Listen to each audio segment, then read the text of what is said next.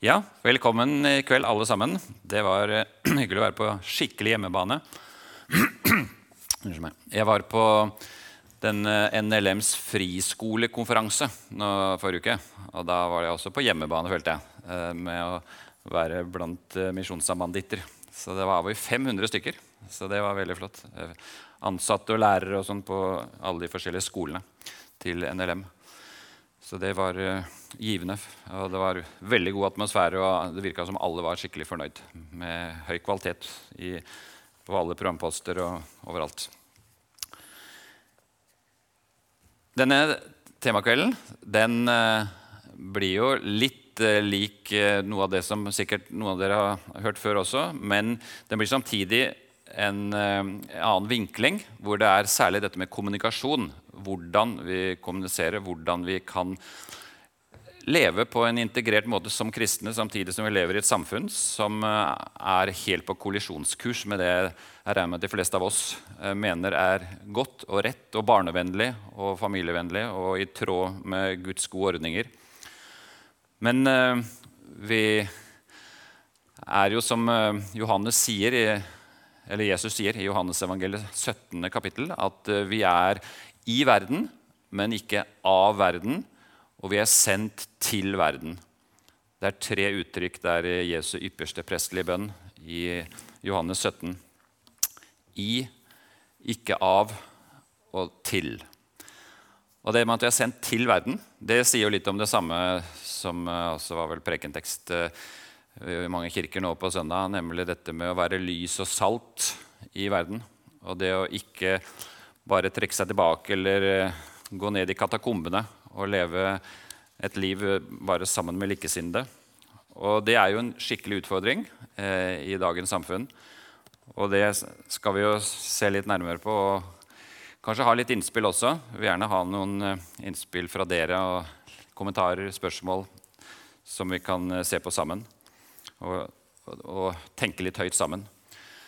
Det som i hvert fall er helt sikkert, eh, som jeg tror de aller fleste har oppdaget de to siste årene, det er jo at det skjer dramatiske ting med alt som har med kjønn og seksualitet og ekteskap og barn og til og med at vi nå nede i barnehagen eh, får høre fra barn at de har hørt fra lærerne at eh, de kan bytte kjønn. Bli, en gutt kan bli jente når de blir større. Kan velge hvilket kjønn de vil ha som jo er fullstendig uakseptabelt og uansvarlig og usant.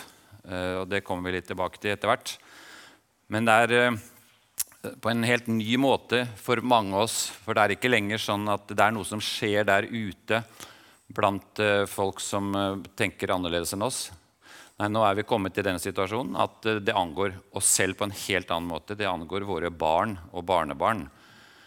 Fordi det er til og med nå kommet inn i de nye læreplanene som ble innført uh, i Norge i fjor, og som uh, tydelig har fått et sånt preg hvor også denne radikale kjønnsideologien uh, har fått innpass på ulike måter og i ulike fag. Så jeg tror ikke det er en overdrivelse å si som det står på dette bildet her nå, en revolusjon som pågår.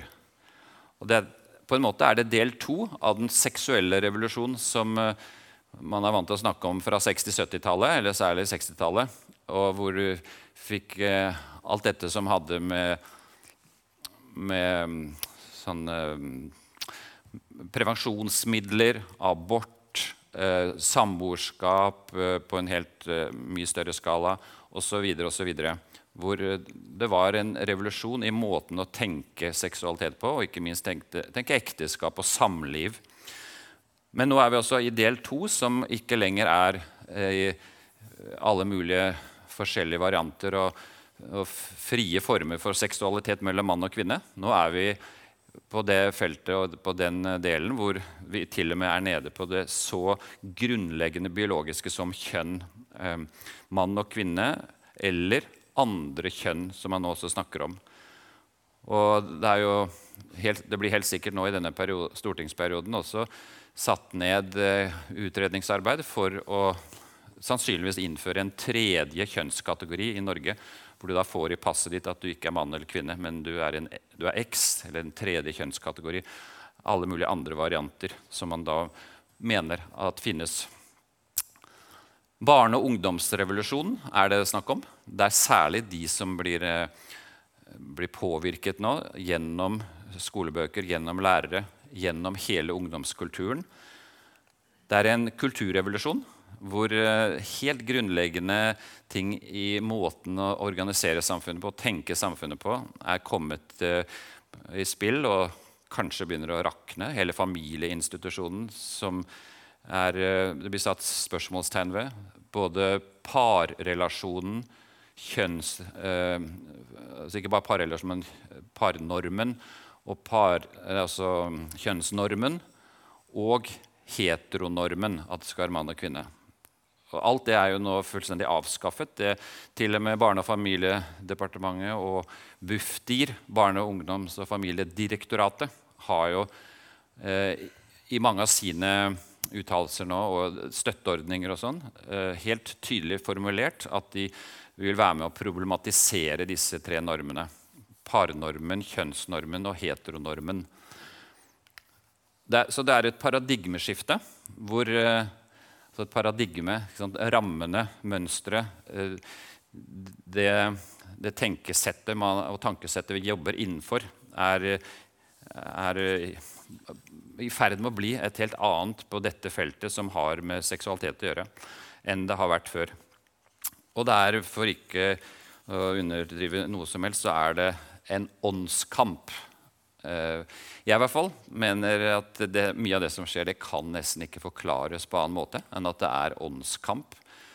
Det har skjedd så raskt, og det har skjedd eh, på en måte som eh, gjør at veldig mange på Stortinget og av politikere bare henger med uten å tenke skikkelig gjennom hva, hva som blir vedtatt. De bare følger partiet sitt. Og det er mange gode lobbyister og det er mye som skjer bak kulissene av kontakter.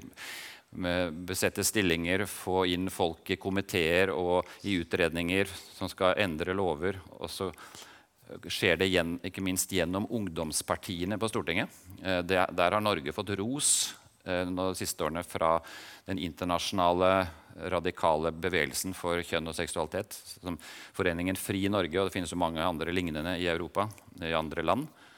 Og der, eh, I forbindelse med den lov om endring av juridisk kjønn, som jeg skal nevne litt senere også, som ble innført for fem år siden, så får Norge ros for at de greide å holde det under radaren. Det var nesten ikke offentlig debatt. Det var ingen offentlig utredning, ingen konsekvensanalyser, ingen uh, stortingsmelding. Og det, det, skjedde at uh, de fikk flertall for det, fordi ungdomspartiene ble mobilisert flere år på forhånd, og så jobbet de målretta for at det skulle skje. Den loven skulle bli vedtatt. Jeg syns det er eh, ganske talende, det som eh, kanskje Martin Luther har sagt, men i hvert fall er det en, eh, en klartenkt person som kom med dette sitatet for noen hundre år siden. Dersom jeg med den høyeste stemme og den klareste skriftutleggelse bekjenner min tilslutning til hele Guds ord, bortsett fra det punktet som verden akkurat nå angriper, da bekjenner jeg ikke Kristus, uansett hvor frimodig jeg bekjenner ham. Det er der hvor kampen står, at soldatenes troskap blir prøvet. Å stå stødig på alle de andre frontavsnittene betyr flukt og vanære hvis soldatene trekker seg tilbake på det avgjørende punktet. Det er ganske alvorlige ord. Eh, det som står uthevet her i rødt, det er der hvor kampen står, at soldatenes troskap blir prøvet. Jeg føler i hvert fall det er veldig aktuelt for meg selv, og jeg vet mange andre også opplever det.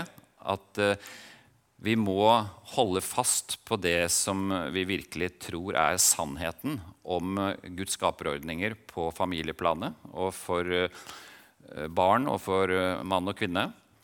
Og hvis ikke vi gjør det, så, så er vi med på å oppløse noe av, det, noe av det viktigste Gud har eh, etablert som ordninger i menneskelivet tenker jeg. Og veldig mange tenker jo det. Og de aller fleste kristne rundt om i verden er jo helt enig. For det er bare 2-3% av verdens kristne som tilhører kirkesamfunn som har omdefinert ekteskapet. Og det er også veldig interessant at eh, Av FNs 193 medlemsland så er det bare 29 som har vedtatt lover som ligner på det Norge har gjort, nemlig å kjønnsnøytralisere ekteskapet. Og si at mann, mann og kvinne, kvinne er rette ektefolk på akkurat samme måte som mann og kvinne. Mens 164 land fortsatt har lovgivning som sier at ekteskapet er for mann og kvinne. Og de landene diskriminerer ikke noe som helst. Det er fullt legitimt ut fra menneskerettighetene, ut fra Europa, Europadomstolen i Strasbourg og alle mulige andre konvensjoner og internasjonale avtaler, så er det helt legitimt å definere ekteskapet som et samliv mellom mann og kvinne. Men eh, det jobbes intenst i både FN og på alle nivåer fra det som jeg vil kalle mine meningsmotstandere og våre meningsmotstandere for at dette skal endres. Så det kan godt være at om noen år så er situasjonen en annen, men nå er det i hvert fall sånn at 164 eh, land fastholder at ekteskapet er for mann og kvinne. Og det med ekteskapet er jo en av eh, prøvestenene og en av krumtappene eh, på hele dette, hele dette, spørsmålet. For når man greier å oppløse ekteskapsdefinisjonen, så er veien fri for veldig mye annet. For da har man jo allerede sagt at kjønn betyr ingenting. Mann, mann, kvinne, kvinne. Mor, far, mor, mor, far, far. Alt er like bra, like barnevennlig, like etisk høyverdig og like godt i samfunnets øyne og i Guds øyne hvis man eh, mener det som kristen. Og da har man også sagt at barn ikke har rett til sin egen mor og far. Eh, en av dem vil være da med sæd eller egg fra en, fremmed person. Så dette er eh, noe av det som jeg i hvert fall opplever er uh, grunnstenen i hele dette spørsmålet. Det er hva tenker vi om ekteskapet? Jeg syns et uh, vers som uh, står i slutten av første korinterbrev, er veldig sterkt og sier noe av det samme på en måte som dette sitatet av Martin Luther eller en annen person for noen hundre år siden. Og det er det som vi finner i Korinterbrevet, 1. Korinterbrevet, kapittel 16, vers 13 og 14. Vær våkne, stå fast i troen, vær modige og sterke. La alt dere gjør, skje i kjærlighet. Vær våkne. Vi må ikke sove i denne tida her nå på disse temaene. Vi må faktisk våkne opp og leve våkne. Vi må stå fast i troen, forsvare det vi tror på, selv om det skulle koste oss dyrt. Å være modige og sterke, tåle motstand, eh, gå utenfor komfortsonen, være med eh, blant dem som kjemper for det vi tror på. Og la alt dette skje i kjærlighet. Og det er jo det som altså Vi har et annet veldig viktig vers fra Efeserne 4 vers 15, hvor det er et nøkkelvers og nøkkeluttrykk at vi må være tro mot sannheten i kjærlighet. Tro mot sannheten. Det skal være, vi skal være våkne og stå fast i troen på sannheten, samtidig som vi skal gjøre det i kjærlighet.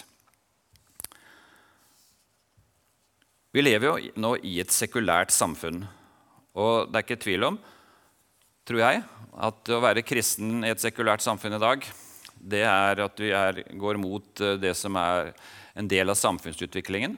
Og kristen samlivsetikk den blir ofte sett på som irrelevant og trangsynt, ja, til og med som skadelig. Og det er jo sånn nå at uh, kristne, Jeg har hørt flere eksempler på det, og jeg selv merker det også mye jeg leser og opplever, at uh, hvis du står fast på at ekteskapet er for mann og kvinne, at du står fast på at uh, barn har rett til mor og far, at det finnes bare to kjønn osv., så, videre, så blir man nærmest sett på som ondskapsfull.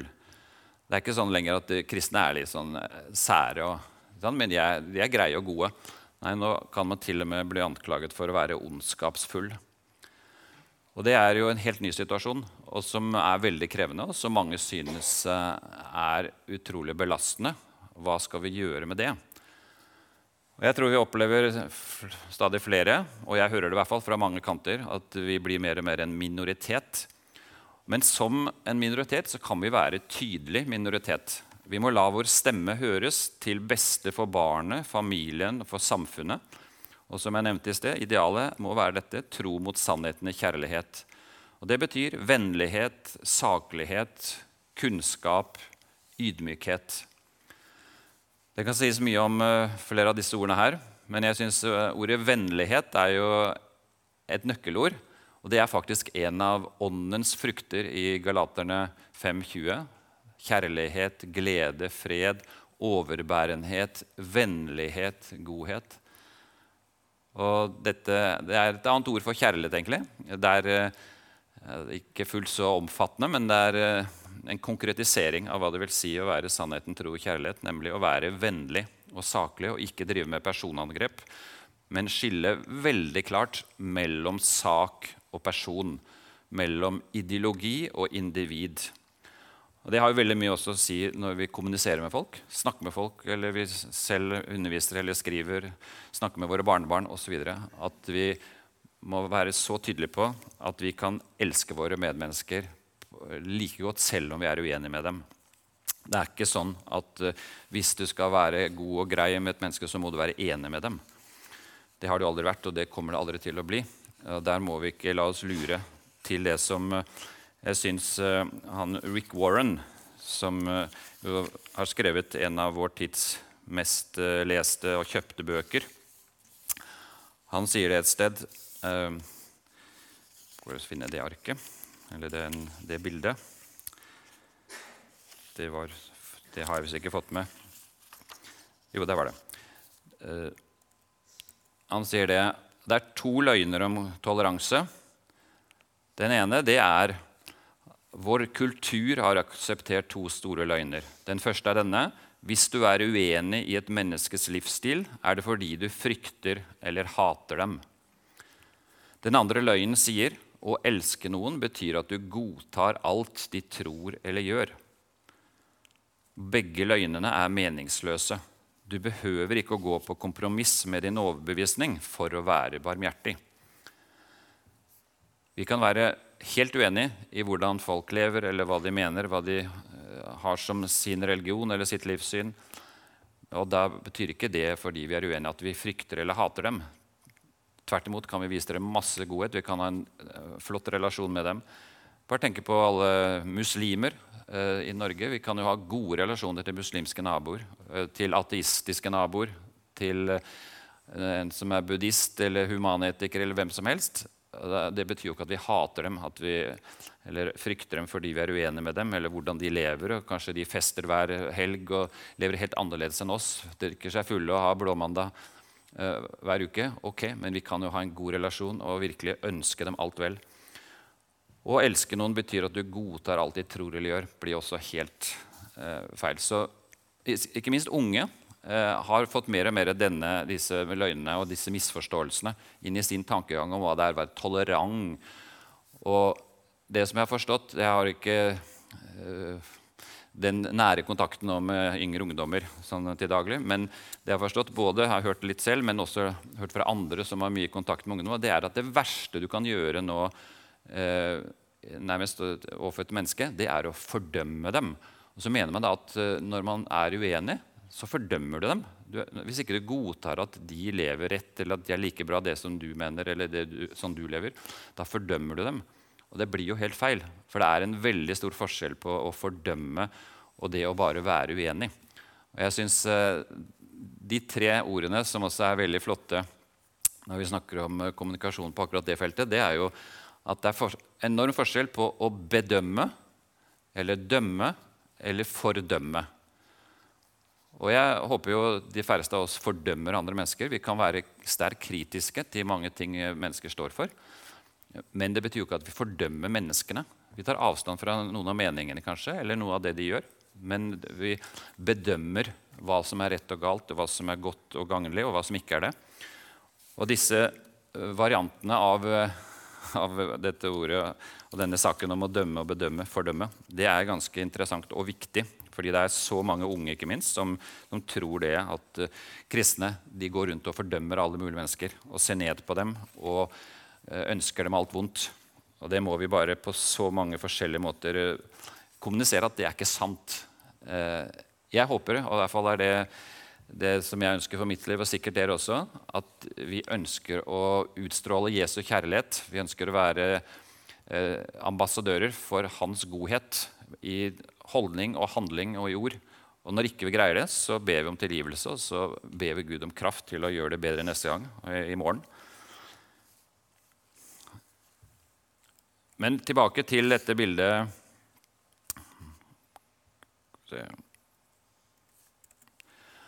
Om å være en tydelig minoritet.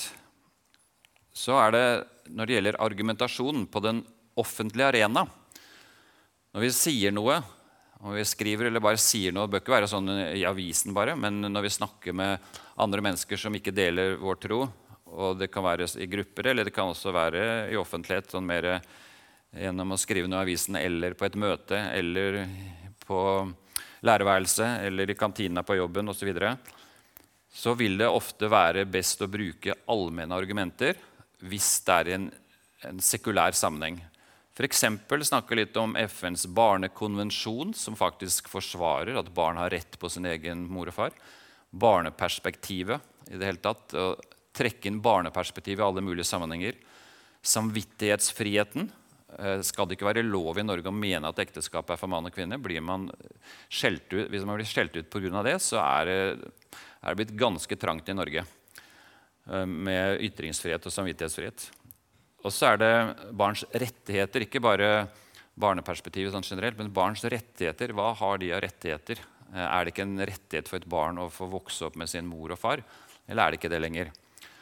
Og så er det mor-far-barn-relasjonens unike betydning. Det er foreldreretten. Ufødte barn som salgsvare med kjøp og salg av sæd og egg. Eh, snakke litt om hvorfor jeg ikke ønsker å være med på, på den type ja, den industrien som er en milliardindustri nå, hvor det selges og kjøpes sæd og egg og donorer og surrogatmødre. og leies og kjøpes.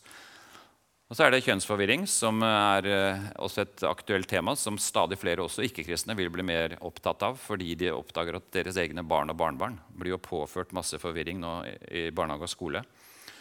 Og så er det toleransebegrepet. Og mange andre ting, men altså at ikke man nødvendigvis behøver å sitere Bibelen Eh, men det kan man selvfølgelig også gjøre, og det har jeg ikke noe imot at vi gjør når det passer. og bare fortelle om hvordan Bibelen og Jesus Kristus er inspirasjon for det jeg eh, tror på. Og et, et lite vitnesbyrd om det er jo kjempebra. Men det må man se ut fra situasjonen, selvfølgelig. Og så er det punkt fire her om lys og salt. Kristne er vi lys og salt, som jeg allerede har vært innom. Vi har som eh, ønske mange av oss tror jeg, å påvirke samfunnet med gode og bærekraftige verdier og løsninger. Ta ansvar lokalt, regionalt eller nasjonalt, og til og med internasjonalt. Som vi på Misjonshuset er veldig opptatt av misjon.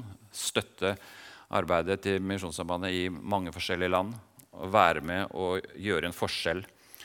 Bruke våre anledninger ikke for å presse vår tro nedover andre mennesker, men for å være med positivt og bidra sånn at mennesker, og ikke minst de som har det vanskelig, kan få det bedre.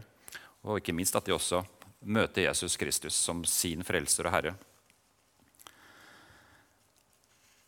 Jeg synes eh, Når det gjelder dette med å kommunisere eh, det vi tror på, eh, på alle mulige måter men, og alle mulige temaer, men også på dette som vi har oppe i kveld, nemlig om kjønn og seksualitet, så er det ganske interessant å bare kikke litt på den klassiske læren om talekunst og retorikk. Det var jo et stort fag det, på, gjennom mange århundrer på universitetene. Det var om hvordan du skulle bygge opp en tale, hvordan du best skulle påvirke mennesker. Hvordan du skulle eh, både ha innledning og hoveddel av talen eller innlegget ditt, og, eller boka, artikkelen din, og avslutning, og hvordan du kunne få mennesker med deg.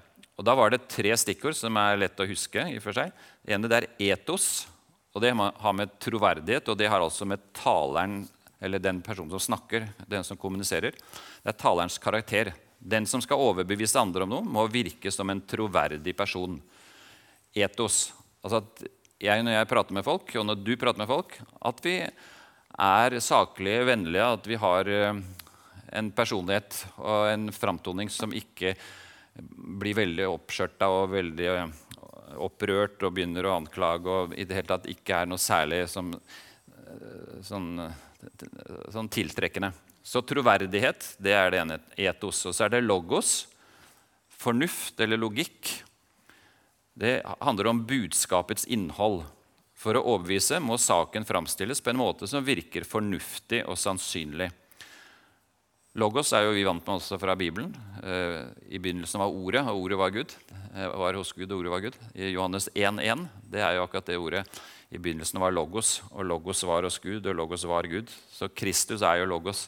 Og så Det er jo litt sånn artig at, ikke bare artig, men eh, så meningsfylt at budskapets innhold er Kristus, hvis du tenker sånn evangeliserende og når det gjelder hva vi egentlig ønsker å formidle. Men i denne sammenheng så er det ikke det det tenkes på. Det er jo budskap generelt. At det må framstilles på en fornuftig måte for at det skal vinne gehør hos de som hører på. Og så er det patos, som er følelse og engasjement. Og det er tilhørernes følelser. For å overbevise noen om noe må man få tilhørerne til å føle for saken for at de virkelig skal gå inn for den. Få sympati, få engasjement. Dette er viktig. og Dette vil jeg også være med på. Så dette er Sånn en liten uh, repetisjon sikkert for en del av oss, og kanskje nytt for andre, uh, som er interessant. å tenke også på at det er den klassiske tanken også at det er en budbringer, en som sier noe, og så er det budskapet i seg selv, og så er det den som hører, som lytter. Og at vi kanskje kan snakke forbi hverandre. Vi bruker ord, vi bruker kanskje kanans språk også i denne tematikken om seksualitet og kjønn. og da bør vi kanskje få litt hjelp av andre også til å skjerpe oss og til å finne bedre måter å gjøre ting på. Jeg har lyst til å komme nå inn på noen uh, samtaleråd når det gjelder akkurat denne tematikken, som uh, kanskje kan være nyttige. Det får dere se. Uh, det første det er at ordbruk er svært viktig i denne tematikken. Derfor bruk tid på å finne fram til noen gode formuleringer, noen uttrykk, kanskje noen slagord, sammenligninger, eksempler osv.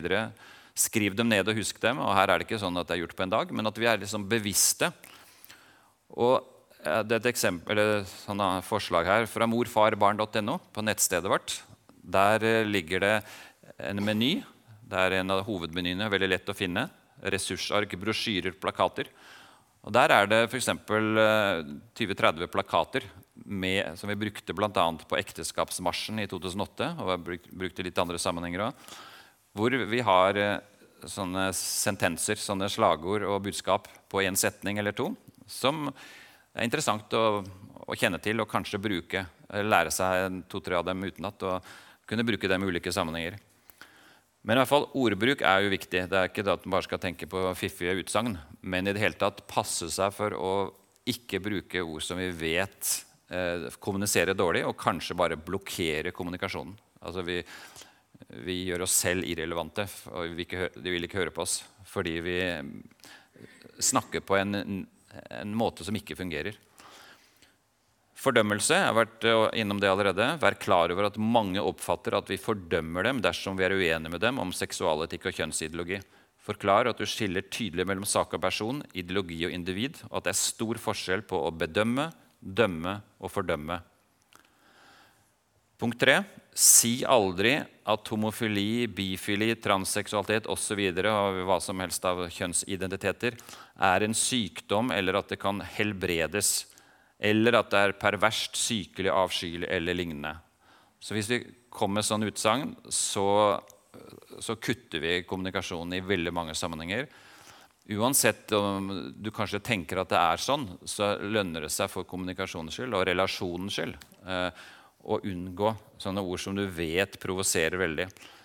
Så det er i hvert fall min oppfatning at her må vi være viselige når vi snakker til mennesker som ikke deler vår tro og våre meninger om både disse tingene og andre. Det er å være vennlige og saklige og heller bruke litt mildere ord enn vi kanskje hadde lyst til, selv om vi er opprørt. Og punkt fire still vennlige og nysgjerrige motspørsmål. F.eks.: Mener du egentlig at far og hans slekt er uviktig eller overflødig eller irrelevant? Hvor setter du grensen for hva som er legitim seksualitet og samliv? Eller er du positiv til polygami? Hvorfor? Hvorfor ikke? Er ikke det en del av mangfoldet? Og så videre og så. Eh, vi skal komme litt tilbake til akkurat dette her, for Dere skal få en, sånn, en plastmappe med en del ressurser. skal kikke litt på et ark der som inneholder no, noen innspill akkurat på dette med å ikke alltid bare skulle svare på spørsmål som andre stiller, men at vi som kristne også bør øve oss i å stille spørsmål. Og Da gjør vi faktisk det som Jesus gjorde også. Eh, jeg har en andagsbok som jeg skaffet for noen måneder siden, som er eh, på engelsk. og Den inneholder alle spørsmål Jesus stilte i evangeliene. Og vet du hvor mange det er? Jo, det er 324 spørsmål fra Jesu munn finner vi evangeliene. Og Det er ganske interessant eh, hvordan Jesus bevisst brukte spørsmål, både retoriske spørsmål for å få folk til å tenke, men også spørsmål som han eh, forventet noe svar. Og Noen av dem er dubletter fordi de står i flere evangelier, men eh, langt over 200 er, er er sånn separate spørsmål som finnes bare én gang. Så det er ganske tankevekkende. Og det har vi mye å lære av. Eh, ikke alltid skal bare svare, men stille spørsmål av nysgjerrighet. Fordi vi ønsker også kanskje å sette noen tanker i sving og få dem til å tenke noen nye tanker ved å stille noen spørsmål, sånn at de også må reflektere og begrunne hvorfor de tror og tenker som de gjør. Et femte punkt her eh, det er et som sikkert er uen, kan være uenighet om. så dette er ikke noe fasit i det hele tatt, Men jeg tenker at det er lurt å unngå å bruke ordet synd når vi snakker om eh, seksualtikk. og sånn. Jeg syns det er mye bedre i stedet å bruke uttrykket 'brudd på Guds bud og vilje' eller noe lignende i stedet for ordet synd. For synd det er et veldig viktig bibelsk ord. Jeg, har, jeg, forkynner gjerne over ordet synd og bruker det selv. Men i møte med sekulære mennesker så får de ofte sånne veldig eh, gale assosiasjoner. Og de, de, tror liksom at vi er bare opptatt av synd, og vi fordømmer alle som synder. Og, nei, brudd, et brudd på Guds bud og vilje det er mye mer sånn, ja, mykt, pluss at det er Eh, det er litt uvant for dem, så de, det er ikke noe de uten videre får assosiasjoner på. Men vi kan forklare hvis de lurer på hva det betyr. Men at vi er faktisk, eh, som disipler av Jesus, så, så har vi Guds og Jesu bud og hans vilje som rettesnor i livet vårt. Og hvis det er noe som bryter med det, så er det det vi er, er skeptiske til og, og ønsker å, å, å, si noe om. Punkt seks her, det er bruk barneperspektivet så ofte som mulig. F.eks. i møte med påstander om diskriminering, likestilling og rettigheter. Det er jo tre av de mest vanlige ordene opp gjennom de siste 10-20 årene i hele denne debatten. Det har vært at det er diskriminerende at ikke to av samme kjønn skal kunne få barn eller kunne gifte seg osv. Men hva da med barneperspektivet? Er det ikke barn som blir diskriminert når de blir fratatt sin egen mor eller far? Er det ikke barna som blir diskriminert når de ikke får kjenne hele farsslekten sin farmor og farfar eller, sin, eller morslekten? Og er det likestilling eh, i det hele tatt for barn når de, en del barn da vokser opp på en helt annen måte og ikke får sin mor og far, eller både mor og far? Og rettigheter. Er det, hvem er det som mister rettigheter? Er det ikke barna?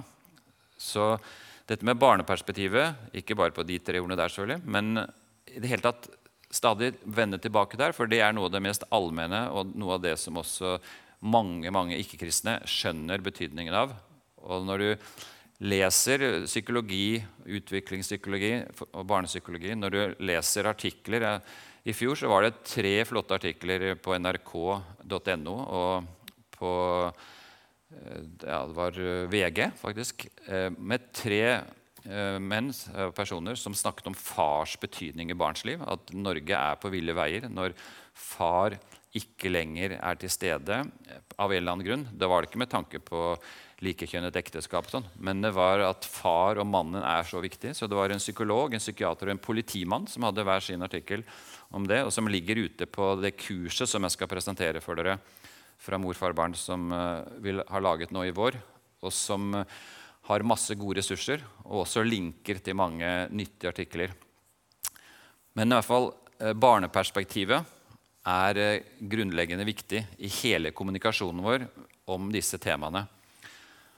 Og mange vil være uenige med oss, eh, selv om vi mener at barns rettigheter bør veie tyngre enn voksnes rettigheter. Så må vi bare holde fast på på en saklig måte at ja, der er vi uenige, og det er greit. Men jeg setter barns rettigheter veldig høyt. Og det er ikke vanskelig å forsvare, og det blir man vanligvis ikke uh, skjelt huden full av uh, ved å si. Punkt sju bruk positive ja-budskap. Begrunn hva du mener, og hvorfor du mener det, ved å forklare grunnleggende verdier som du sier ja til. Og Der kan jo se på noen av de ja-budskapene som jeg syns uh, kan være nyttige, og som jeg tror er noe av nøkkelen for oss når vi skal kommunisere med andre mennesker, eh, både kristne, men eh, ikke minst eh, ikke-kristne, om hva vi tror på. Det kan være om alle mulige temaer også når vi vitner om Jesus. Men ikke minst på det temaet her, som er veldig sensitivt. Og mange har piggen ute med de samme de hører at vi er kristne og kanskje står for noe annet enn dem. At vi da ikke sier æsj og uff og nei og fy til alt mulig. Det er ikke det som er utgangspunktet vårt. og Vi ønsker ikke å si det helt tatt. Vi sier bare at vi må avvise det som strider mot våre grunnleggende verdier. Og Da kan jeg på en enkel og grei måte forklare folk at jeg sier ja til Bibelen som forpliktende autoritet for tro, lære og liv. Jeg tror faktisk at Bibelen er Guds ord. Jeg tror det er Guds åpenbaring. Og jeg tror Jesus Kristus er Guds sønn, som kom til jorda for å sone verdens synder. Og jeg ønsker å følge ham og høre på hva han sier, mer enn hva Stortinget sier eller politikere sier, eller hva media sier og reklamen sier. Jeg tror faktisk at Bibelen fortjener å være min, har vist seg å holde eh, og vitne om det. Jeg sier ja til ekteskapet som Guds skaperordning for én mann og én kvinne, undervist og bekreftet av Jesus og apostlene. Jeg kan begrunne det at eh, eh, ekteskap som Guds skaperordning det er noe grunnleggende, og det er faktisk i den sammenhengen også barn vokser opp med best mulige forhold. Et eh, trofast forhold mellom en mann og en kvinne som har felles barn. Jeg sier ja til mor-far-barn-relasjonens særstilling og unike betydning. Det er bare en mann og en kvinne som kan få barn sammen. Sæd fra mannen, egg fra kvinnen.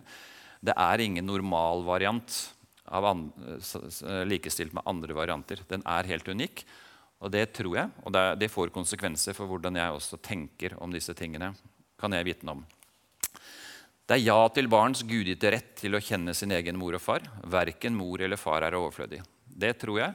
Og det, Derfor så mener jeg det jeg mener også om det som bryter med akkurat den overbevisningen. Og jeg sier ja til barn som en gave, ikke som en rettighet eller handelsvare. Og jeg er veldig skeptisk eller avvisende til hele fertilitetsmarkedet. Hvor hundrevis av norske kvinner også drar til Danmark for å få barn. Og eh, som oftest med en anonym sæddonor, som vanligvis er far til ca. 25 barn. Og som verken barnet eller mora kan få vite noen gang hvem er. Og det er ikke eh, ifølge barns rettigheter og FNs eh, barnekonvensjon, mener jeg. Og det er jeg skeptisk til. Og jeg sier ja til betydningen av blodsbånd, slekt og biologisk tilhørighet. Som jo er faktisk grunnstammen og grunncellen i alle sivilisasjoner. Det er jo slekt, slektstilhørighet. Det er blodsbånd. Og det er ikke sånn som Foreningen FRI sier, at i norsk lovgivning så bør det avskaffes alt som har med biologisk, altså det har eh, biologisk betydning hvem du er i slekt med, eller at du er født av eh, din mor og far, at de er biologiske foreldre. Eh, og mange er enige med dem at det biologiske prinsipp det bør, om ikke avvikles helt, så bør det nedtones veldig i all lovgivning. Men det er jeg dypt uenig i. Og jeg tror de aller fleste, også ikke-kristne, er enig i det egentlig, hvis de begynner å tenke seg om. Ja til barneperspektivet i Kirkens teologi og praksis. Ja til FNs barnekonvensjon. Barn har rett til, så langt det er mulig, å kjenne sine foreldre og få omsorg fra dem. Og ja til biologiske realiteter, barns rettigheter og Bibelens budskap som en konklusjon. Så Dette er bare noen eksempler på sånne ja-budskap. Og de bør vi virkelig blankpusse og jobbe med. Og ikke bare sånne, Nå har du hørt og sett disse, men, og det er flott. Men eh, du skal få et ark hvor disse og flere også står eh, beskrevet. Og da er dette et utgangspunkt. Det er ingen fasit. Men dette er noe som jeg tror er en nøkkel til å kommunisere med hverandre, og ikke minst med de som ikke deler vårt ståsted. Det er å få fram at jeg sier ikke nei til mennesker. Jeg sier ikke at jeg fordømmer eller forakter verken homofile eller bifile transpersoner eller noen av de 70 forskjellige kjønnsidentitetene som eksisterer. Jeg vil veldig gjerne ha en god relasjon, men jeg gjør ikke det fordi jeg er enig, men fordi jeg ønsker å være et medmenneske, ønsker å være en, en person som, som, speiler Jesu kjærlighet. Jeg bør ikke si det til vedkommende, men det er det som er min begrunnelse. Og da må vi være positive i vår, i vår kommunikasjon. For hvis ikke så tror bare folk at vi er så negative og, og mot dem som personer. Og det, som sagt, det må vi bare prøve alt vi kan å motarbeide. Og da er jo det også det som er budskapet på det neste bildet. Eh, og det er at vi må virkelig stadig repetere for andre mennesker som ikke er kristne, at alle mennesker er skapt av Gud og har samme verdi og menneskeverd. Vi er alle høyt elsket av ham, men vi lever etter syndefallet i en ufullkommen verden der mye ikke fungerer slik Gud opprinnelig hadde tenkt det. Alle mennesker må vi si til folk når vi snakker med dem, at du er akkurat like mye verdt som meg. Du er akkurat samme menneskeverd. Du er like høyt elsket av Gud. For de tror jo så mange at vi ser ned på dem, at vi tror vi er bedre enn andre osv. Og, så og, og det må vi bare repetere stadig vekk. Hvis ikke så, så blir det dobbeltkommunikasjon. De tror vi legger noe annet i jorden enn vi egentlig gjør. Vi må i klartekst si at de er akkurat like verdifulle som oss. Og Vi er kalt til um, av Jesus møte alle mennesker med Jesu kjærlighet i ord, holdninger og handlinger. Det er jo det det dreier seg om når Jesus sier at eh, det første budet er å elske Gud. Og det andre budet, som er like stort, er å elske sin neste som seg selv.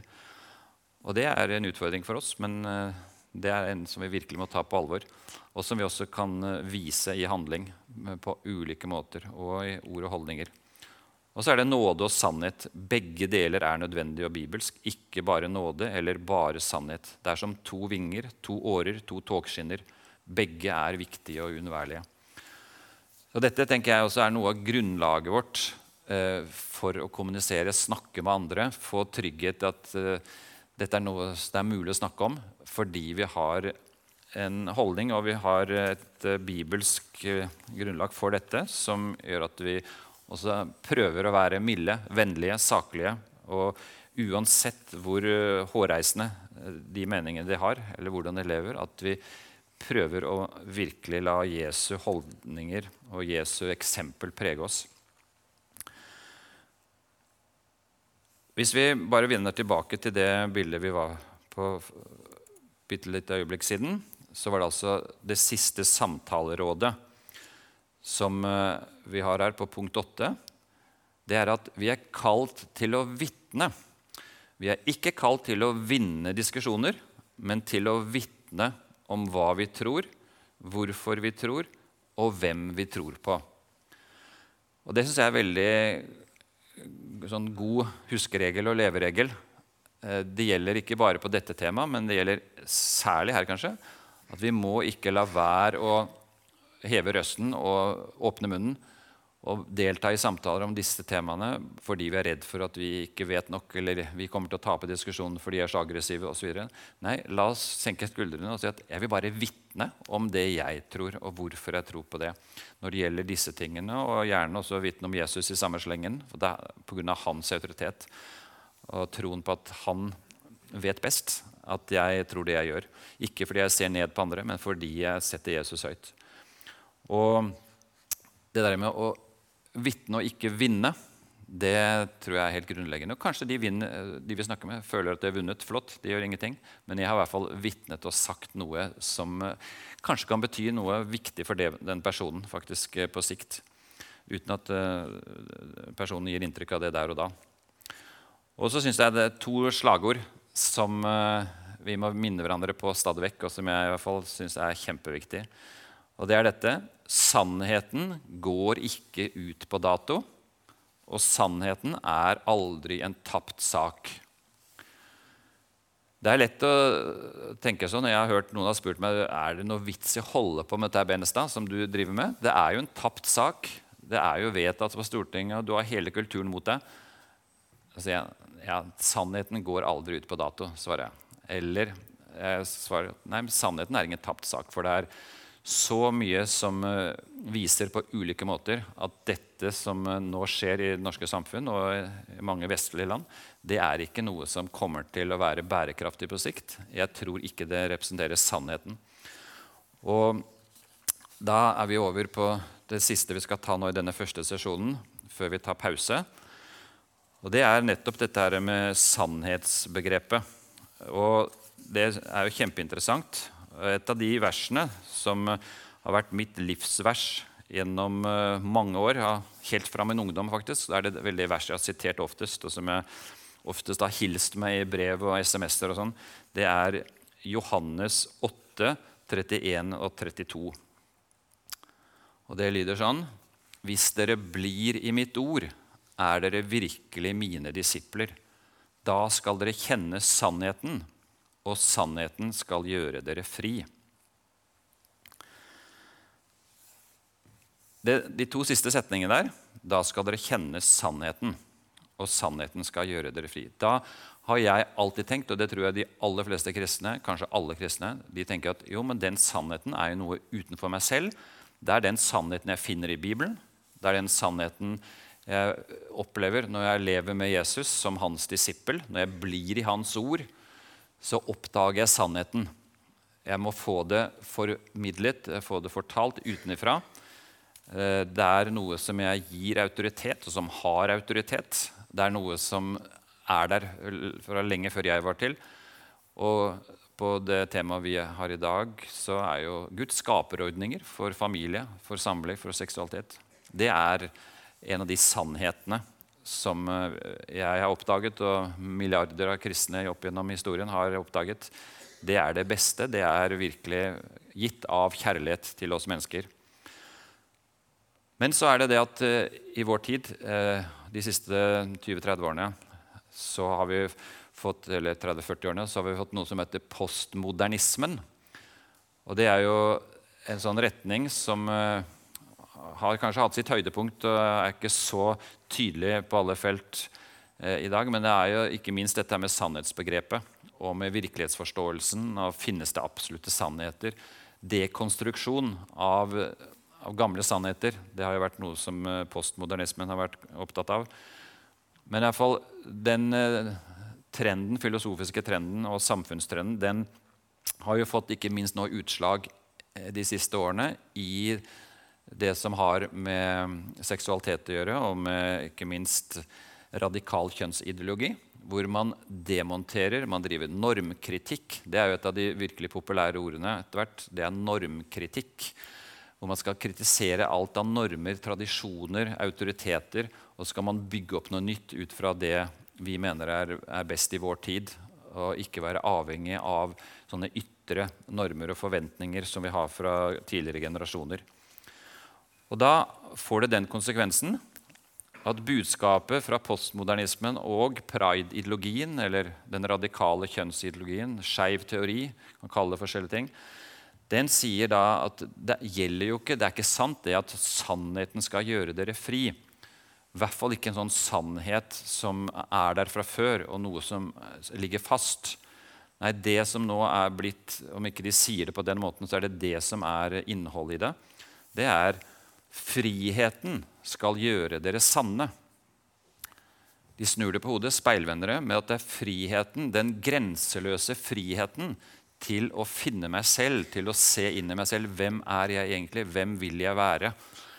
Ikke en, eh, en sannhet som, som, er der fra før, eller som jeg får fortalt fra Gud eller fra Bibelen. eller noe. Nei, det er at denne friheten det er den som vil gjøre meg sann, vil finne mitt sanne jeg. Og dermed så blir det at hvert eneste menneske må finne sin sannhet, finne ut hvem er jeg Jeg nevnte at eh, det i flere år har vært 71 kjønnsidentiteter som man har operert med. Nå er de nærmere seg visst 100 kjønnsidentiteter.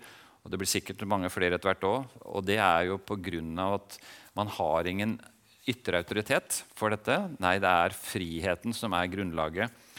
Og, det, og da grenseløs frihet. Alle er helt fri til å tenke og gjøre og leve akkurat som de vil. Det er en selvrealisering i høyeste potens som er liksom, idealet.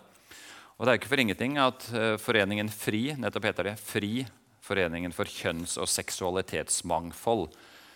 Et kjønnsmangfold og et seksualitetsmangfold, og som er egentlig grenseløst. Fordi de sier at det er, alt er like bra og like legitimt og like etisk så lenge det er frivillig mellom likeverdige personer.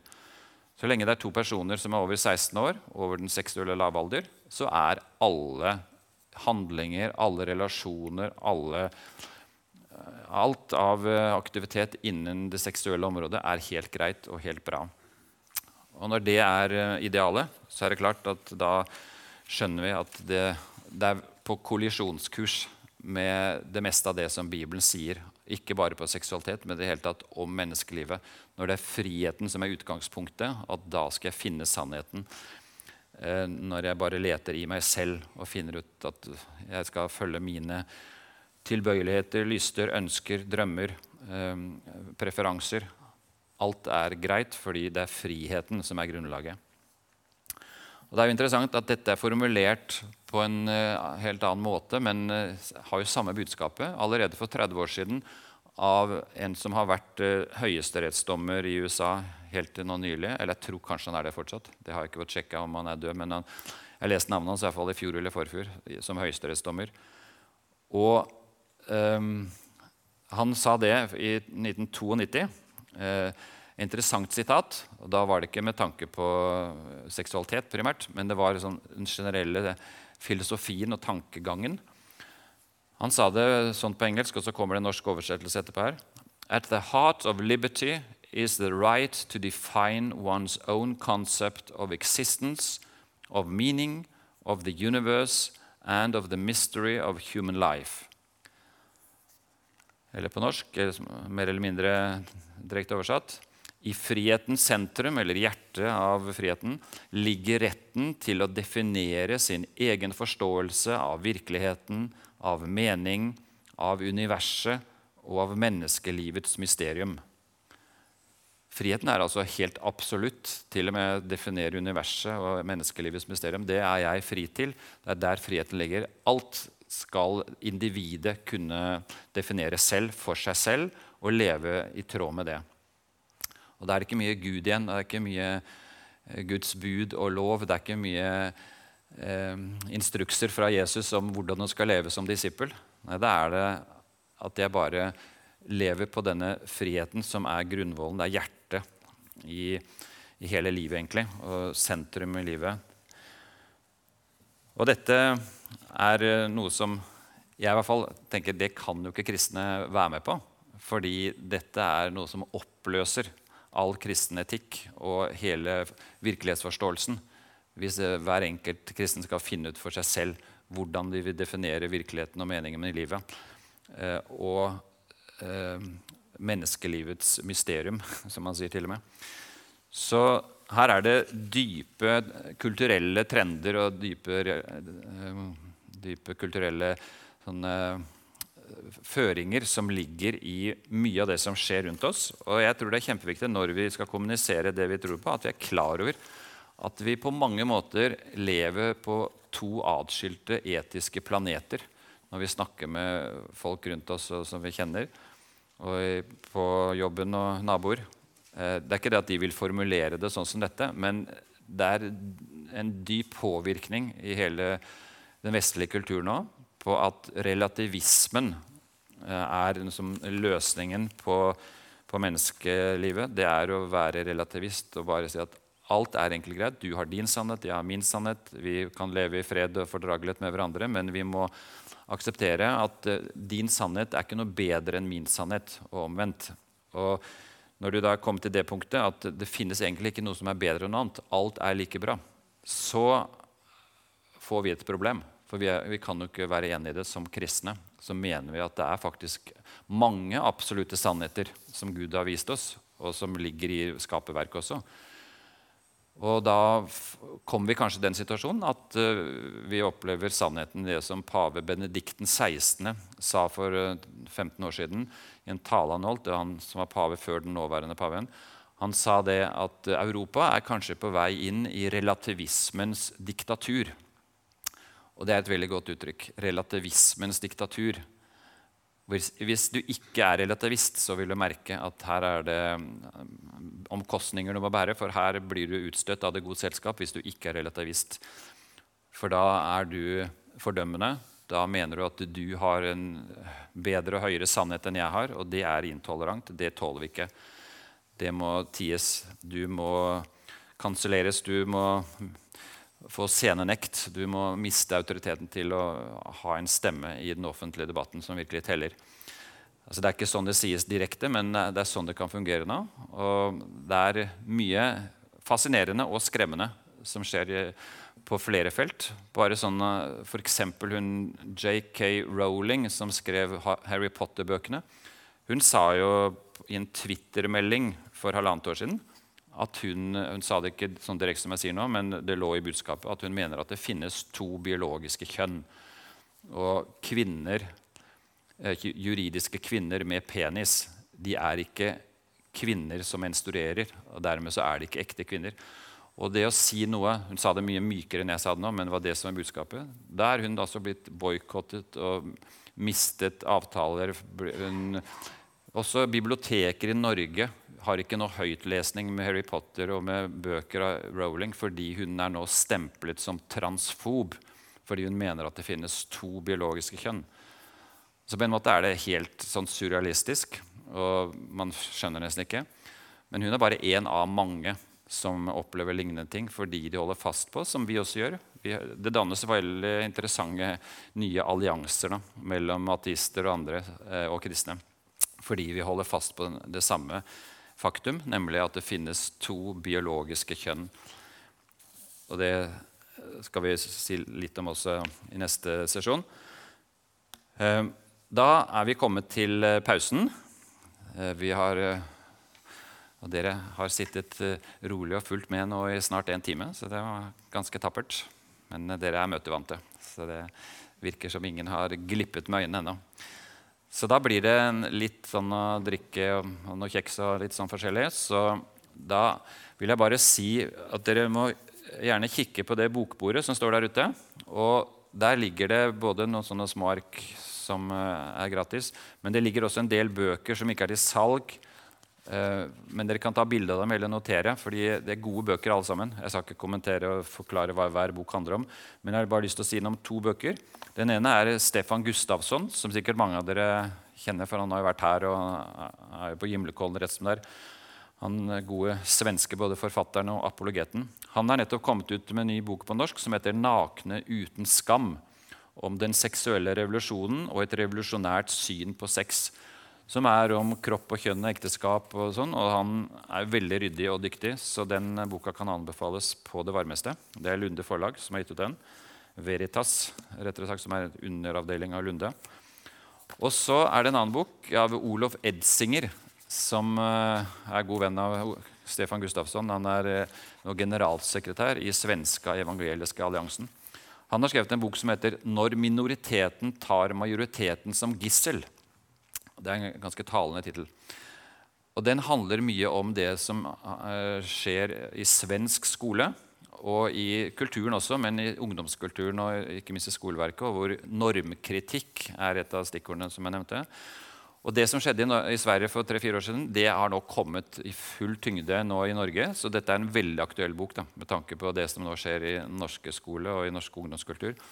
Så den boka den gir vi bort gratis. Vi selger den ikke, men vi gir den bort. Og så ligger det en liten lapp inni. og Der står det at denne boka er en gave fra stiftelsen Morfarbarn. Dersom du har lyst til å støtte arbeidet vårt, kan du sende bidraget ditt til en bankkonto eller til VIPS.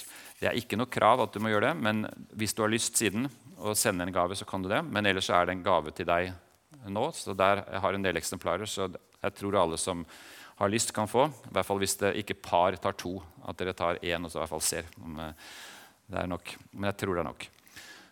Så det er eh, to av de bøkene som eh, er aktuelle, og flere andre der nede.